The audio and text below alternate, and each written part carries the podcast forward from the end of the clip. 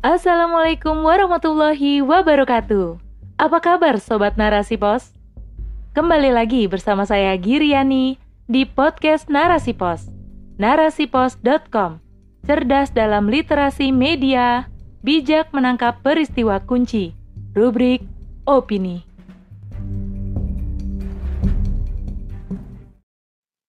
Tridimensi aktivasi Hagia Sophia dalam kontestasi kaum nasionalis sekuler di Turki oleh Iranti Mantasari, BAIR MSI. Ramadan adalah bulan yang paling dinantikan oleh kaum muslimin di belahan bumi mana pun.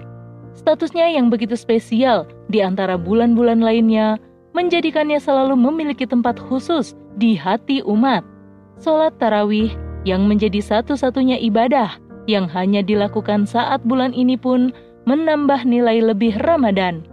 Sebagaimana sabda baginda Rasulullah Shallallahu Alaihi Wasallam yang artinya, barang siapa melakukan kiam Ramadan karena iman dan mencari pahala, maka dosa-dosanya yang telah lalu diampuni.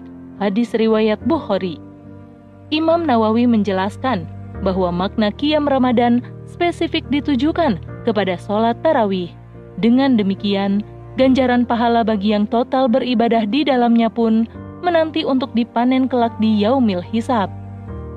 Ramadan tahun ini bertambah spesial dengan sampainya kabar menggembirakan dari negeri pewaris khilafah sana. Turki menyimpan banyak sekali jejak sejarah kemilau peradaban Islam, salah satunya Masjid Hagia Sophia.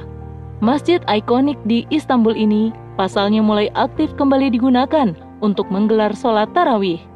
Sholat tarawihnya sendiri tentu sudah lumrah bagi kaum muslimin.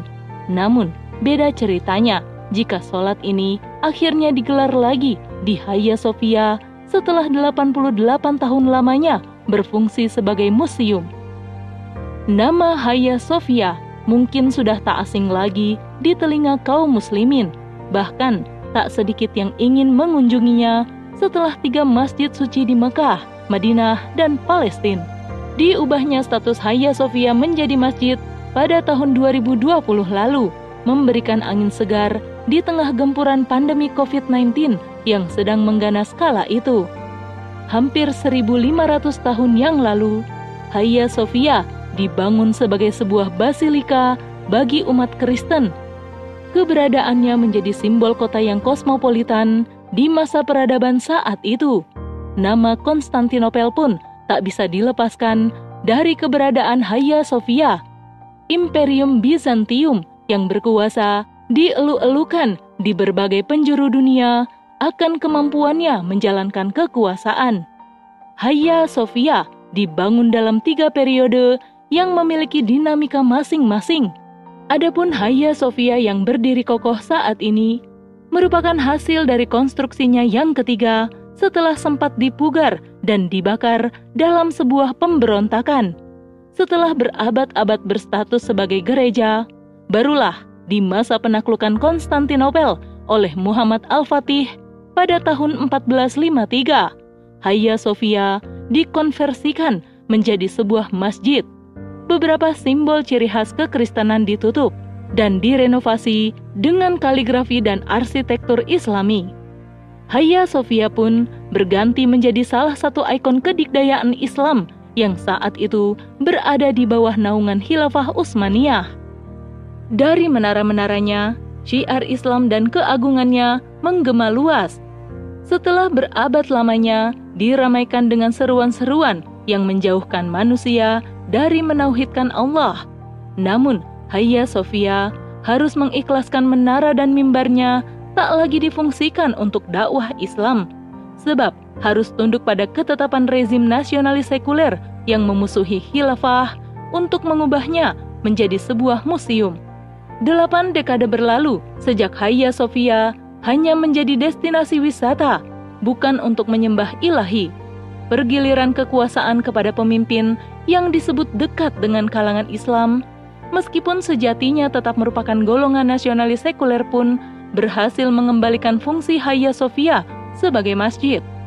Perjalanan panjang Hagia Sophia dari menjadi gereja, masjid, hingga museum tentu menorehkan pelajaran berharga, khususnya kepada umat Islam. Setidaknya terdapat tiga dimensi yang bisa ditilik dari sekelumit kisah Hagia Sophia ini. Dimensi spiritual Status Hagia Sophia yang dikonversi menjadi masjid tentu mengundang riuh sorak umat. Sampai-sampai ada yang menganalogikan bahwa Presiden Erdogan yang berhasil mengembalikan fungsi Hagia Sophia menjadi masjid itu sebagai titisan kedua dari Sultan Muhammad Al-Fatih, sang pembebas Konstantinopel. Meski ini adalah pujian yang cukup berlebihan dan tidak sesuai fakta, tapi pandangan tersebut tentu dikarenakan giroh beragama umat Islam, baik yang berasal dari Turki maupun mancanegara. Sangat bisa terpacu dengan kondisi Hagia Sophia yang dapat dijadikan sebagai tempat menyembah Allah. Apatah lagi saat bulan Ramadan ini.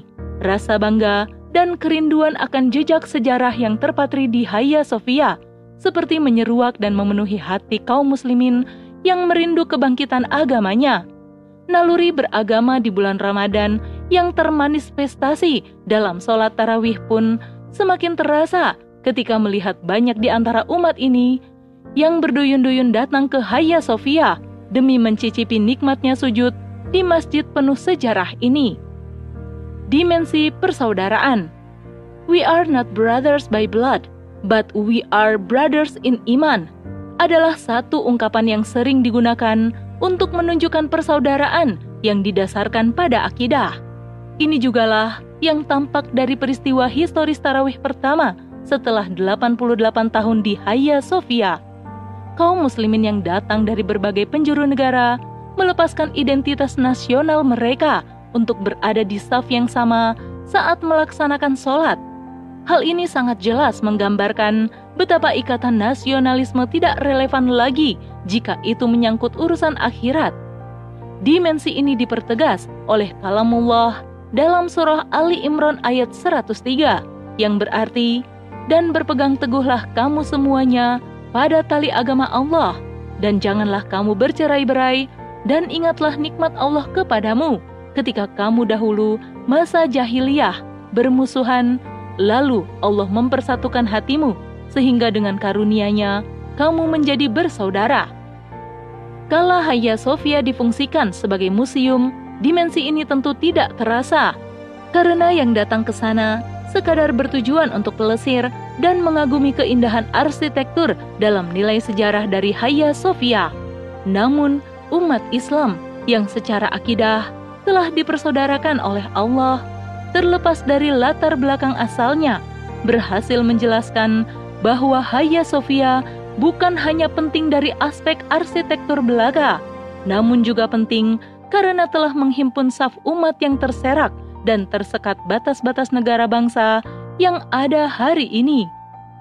Dimensi politik Di sinilah poin penting yang mungkin luput dari pandangan umat terkait diaktifkannya kembali Hagia Sophia sebagai masjid.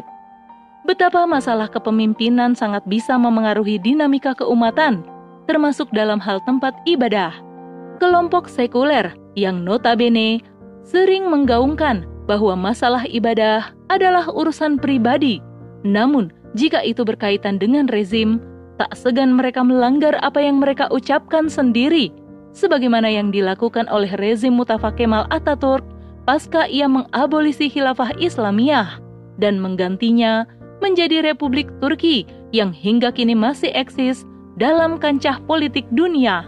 Dan dengan kepemimpinan jugalah Hagia Sophia yang semula sebatas bangunan yang dikagumi keindahan dan nilainya bisa diubah menjadi tempat yang digunakan untuk menyembah Allah, seperti yang ditunjukkan oleh Erdogan tahun 2020 lalu.